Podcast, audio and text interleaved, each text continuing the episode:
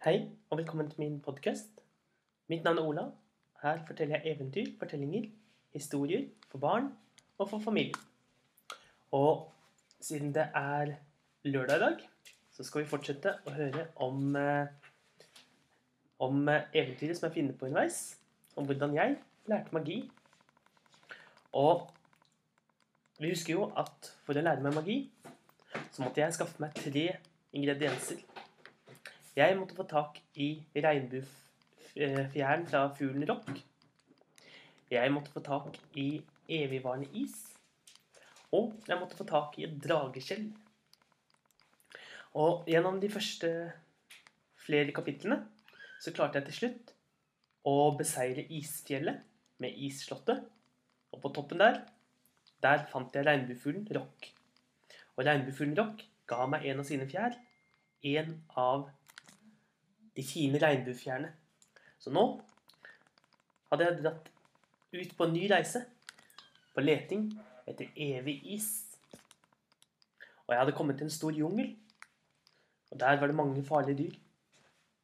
Og om natten så var jeg redd for spesielt en tiger. Men tigeren viste seg å være snill. Den het Dengis Khan. Og det var kongen over alle tigre. Og Dengis Khan ønsket å finne kong Salomo, åndenes konge. For han hadde gjort mammaen til Dengis Khan om til en gullstatue. Og Dengis Khan har akkurat fortalt meg sin historie. Og jeg syns det var en veldig spennende historie. Jeg satt der ved siden av Dengis Khan. Og siden så gikk vi og la oss. Og neste dag så sto vi opp, og vi begynte å gå inn i jungelen sammen. Det føltes mye tryggere å gå sammen med en tiger enn å være redd for en tiger. Og eh, jungelen, den ble stadig tettere etter hvert som vi kom dypere inn i den. Trærne var så høye at sollyset ikke kom igjennom. Og i tillegg så hørte vi stadig mindre lyder. For bladene var så tette at lydene nesten ikke trengte igjennom. Men det føltes betydelig mye tryggere ut å gå sammen med en tiger. For av og til så møtte vi på små dyr. Av og til var de snille, av og til var de slemme. Men uansett, med en gang de fikk øye på Dengis Khan, den store tigeren, da rømte de sin vei turte ikke å gjøre oss noen ting. Og Dengis Khan og jeg, vi pratet hele veien. Jeg fortalte han hele min historie om hvordan jeg hadde fått tak i regnbuefjæren fra regnbuefuglen Rock. Og Dengis Khan syntes det var spennende å høre om hvor stor regnbuefuglen hadde vært. At den hadde vært så stor at en eneste fjær hadde vært nok til at vi kunne seile på den. Og eh, vi snakket videre om hvor vi hadde tenkt å reise senere. Dengis Khan hadde selvfølgelig lyst til å oppsøke kong Salomo. Men han holdt til ute ved havet, i den store hulen sin der. Det var i hvert fall det han hadde hørt. Og jeg sa jo at jeg hadde tenkt å finne evigvarende is. Og jeg hadde hørt av min læremester Babi at den fantes ute i ørkenen. En ørken lagd av sukker. Og vi vandret sammen, og snart ble vi veldig gode venner. Plutselig så merket vi at trærne begynte å riste. De blåste veldig fra side til side. Det brygget opp til en kjempestor storm. Jeg tror vi bør finne oss et sted å finne ly, sa Dengis Khan. Selv om vi nå er dekket av alle bladene fra denne jungelen, så har jeg en følelsen at denne stormen er kraftigere enn de fleste vanlige stormer. Og jeg sa meg enig. Vi gikk og lette etter et sted hvor vi kunne gjemme oss for den store stormen som kom. Og snart så kom vi til et stort fjell. Og under fjellet, der var det en stor grotte. Vi gikk inn i grotten, og vanligvis så hadde jeg vært redd for å gå inn i grotten helt alene. Men heldigvis nå så hadde jeg en sterk, fryktinngytende tiger ved siden av meg.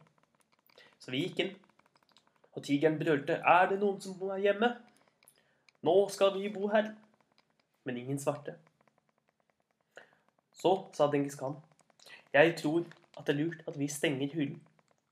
Jeg har en følelse at denne stormen er så kraftig at uh, hvis vi ikke lukker døren, da er redd for at det går oss ille. Og jeg sa meg enig. Vi begynte å lete inne i grotten til vi fant en svær, svær kampestein. Den kampesteinen, sammen klarte vi å flytte den og rulle den og legge den på innsiden av grotten, sånn at grotten var helt stengt. Og eh, der inne så satt vi. Og siden, siden det ikke var noe annet å gjøre, og siden det var helt bekmørkt, så la vi oss til å sove. Og utenfor kunne vi høre at selve fjellet rumlet. Vi kunne høre hvordan vinden blåste så kraftig at selv gjennom mange meter med stein så kunne vi høre hvordan den herjet utenfor. Og vi var glade for at vi hadde funnet en grotte hvor det både var vått, nei, ikke var vått, hvor det var tørt, og hvor vi var dekket og skjermet for vinden og alt det andre som fulgte med i den store stormen. For i sånne store stormer kan det fort begynne å fly trær, til og med. Eller til og med steiner. Og vi satt der og hørte på rumlingen. For etter hvert som stormen holdt på, så fant vi ut at det var umulig å sove. Så vi bare satt og hørte på hvordan stormen herjet utenfor. Og når morgenen kom, så forsvant stormen. Og vi tittet, åpnet, åpnet eh, grotten vår og tittet ut. Og da fikk vi det største sjokket vi noen gang hadde fått. For det var virkelig en storm. For stormen hadde blåst bort trærne. Ikke bare noen av trærne, men nesten alle trærne rundt i hele jungelen var blitt blåst bort. Som om de hadde vært fyrstikker. Og Dengis Khan sa 'Jeg har aldri noensinne sett noe lignende'. Det kan kun være én ting som kan skape en slik storm. Jeg er redd det bor en stormfugl i nærheten. Og jeg spurte om eh, Dengis Khan visste noe mer om stormfuglen, for jeg hadde aldri hørt om stormfuglen. Stormfuglen det er en fugl som er nesten like stor som rock. Det sies at den er i familie med rock. Men den er ikke som en regnbue. Men den eh, tar og blåser med vingene sine. Og med pusten sin skaper den vind og stormer, orkaner og tornadoer. Det sies at den kan lage lyn og torden.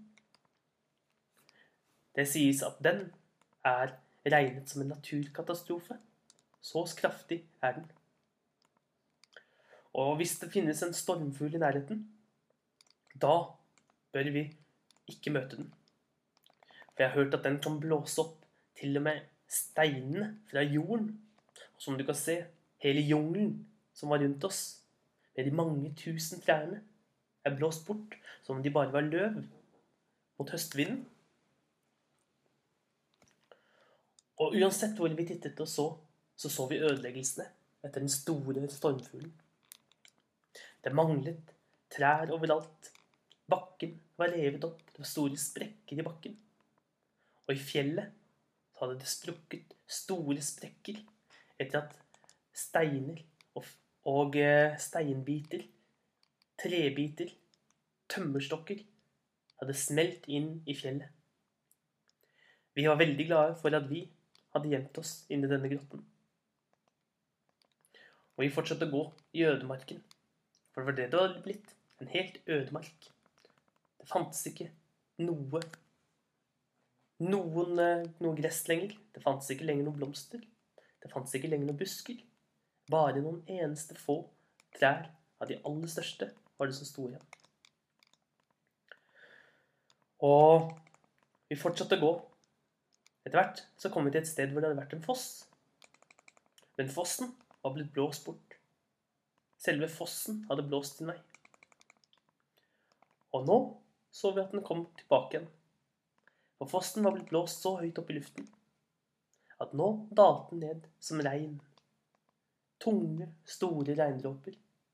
Så mye regn at det snart kom til å bli oversvømmelse.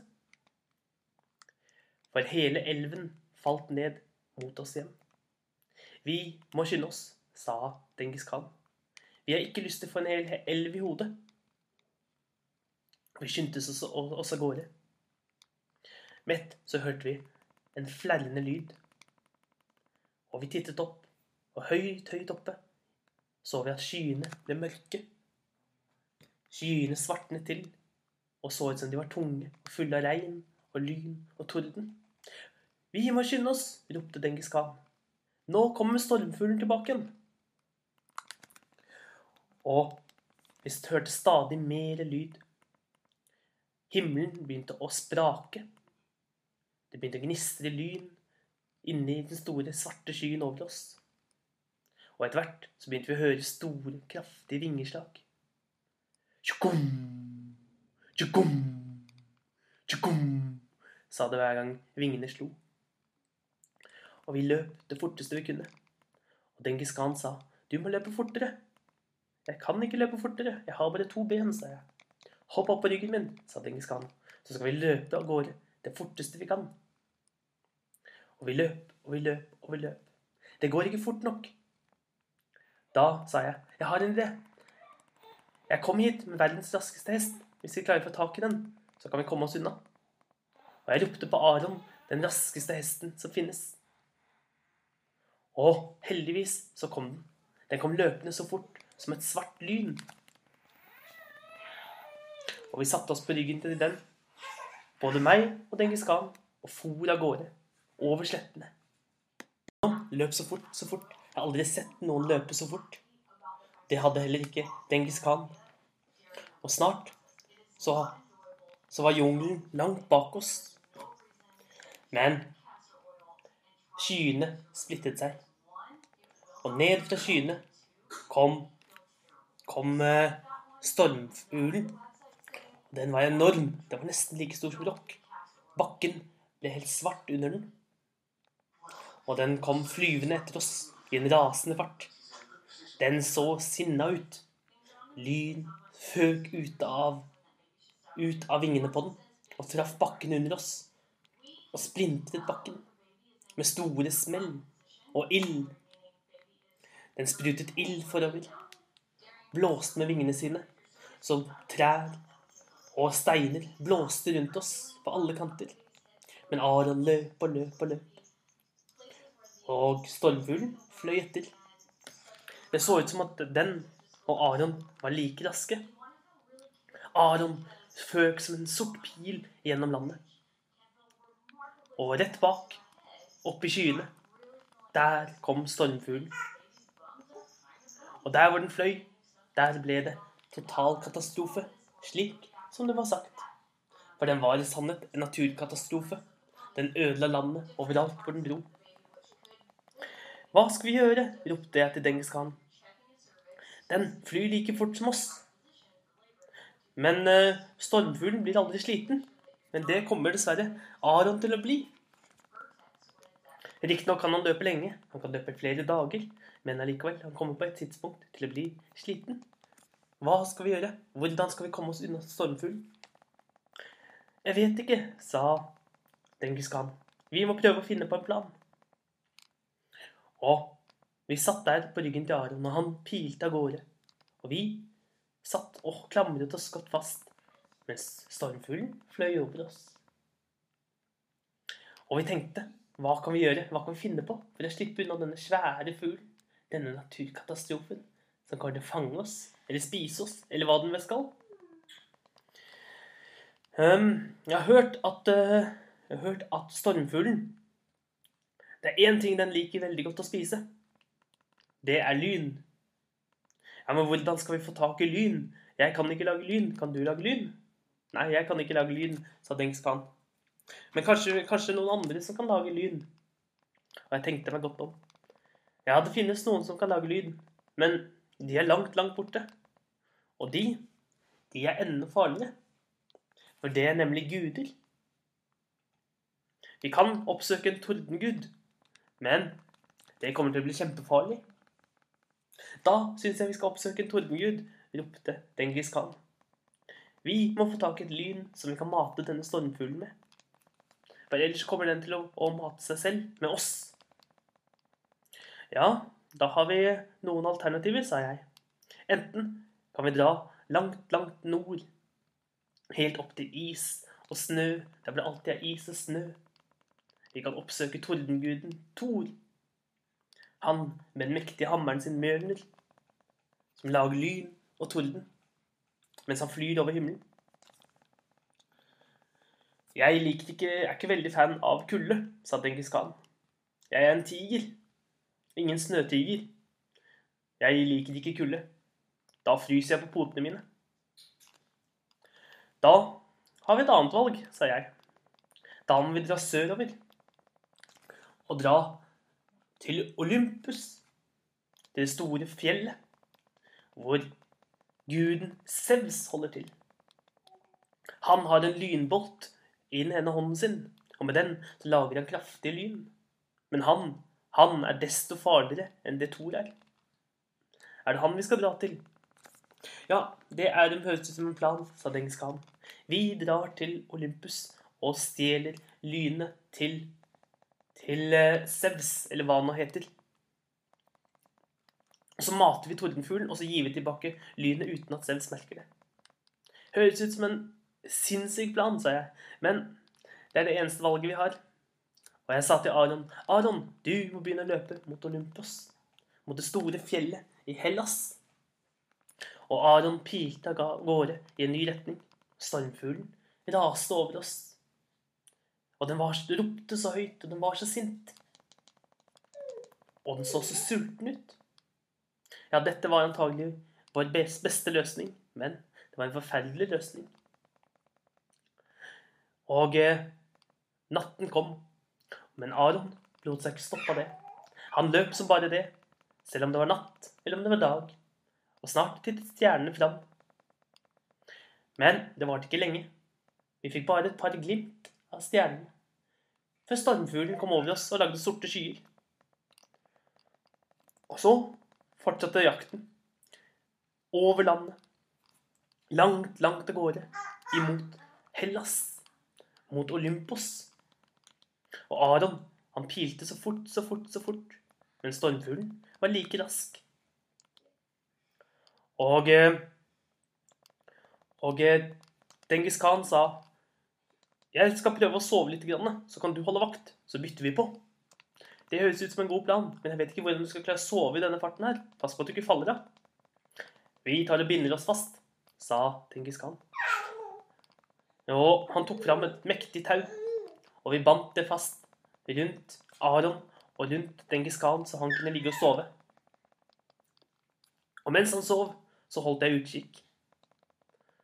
Men det var vanskelig å se noen ting. For det første så var det bekmørkt, for det var midt på natten.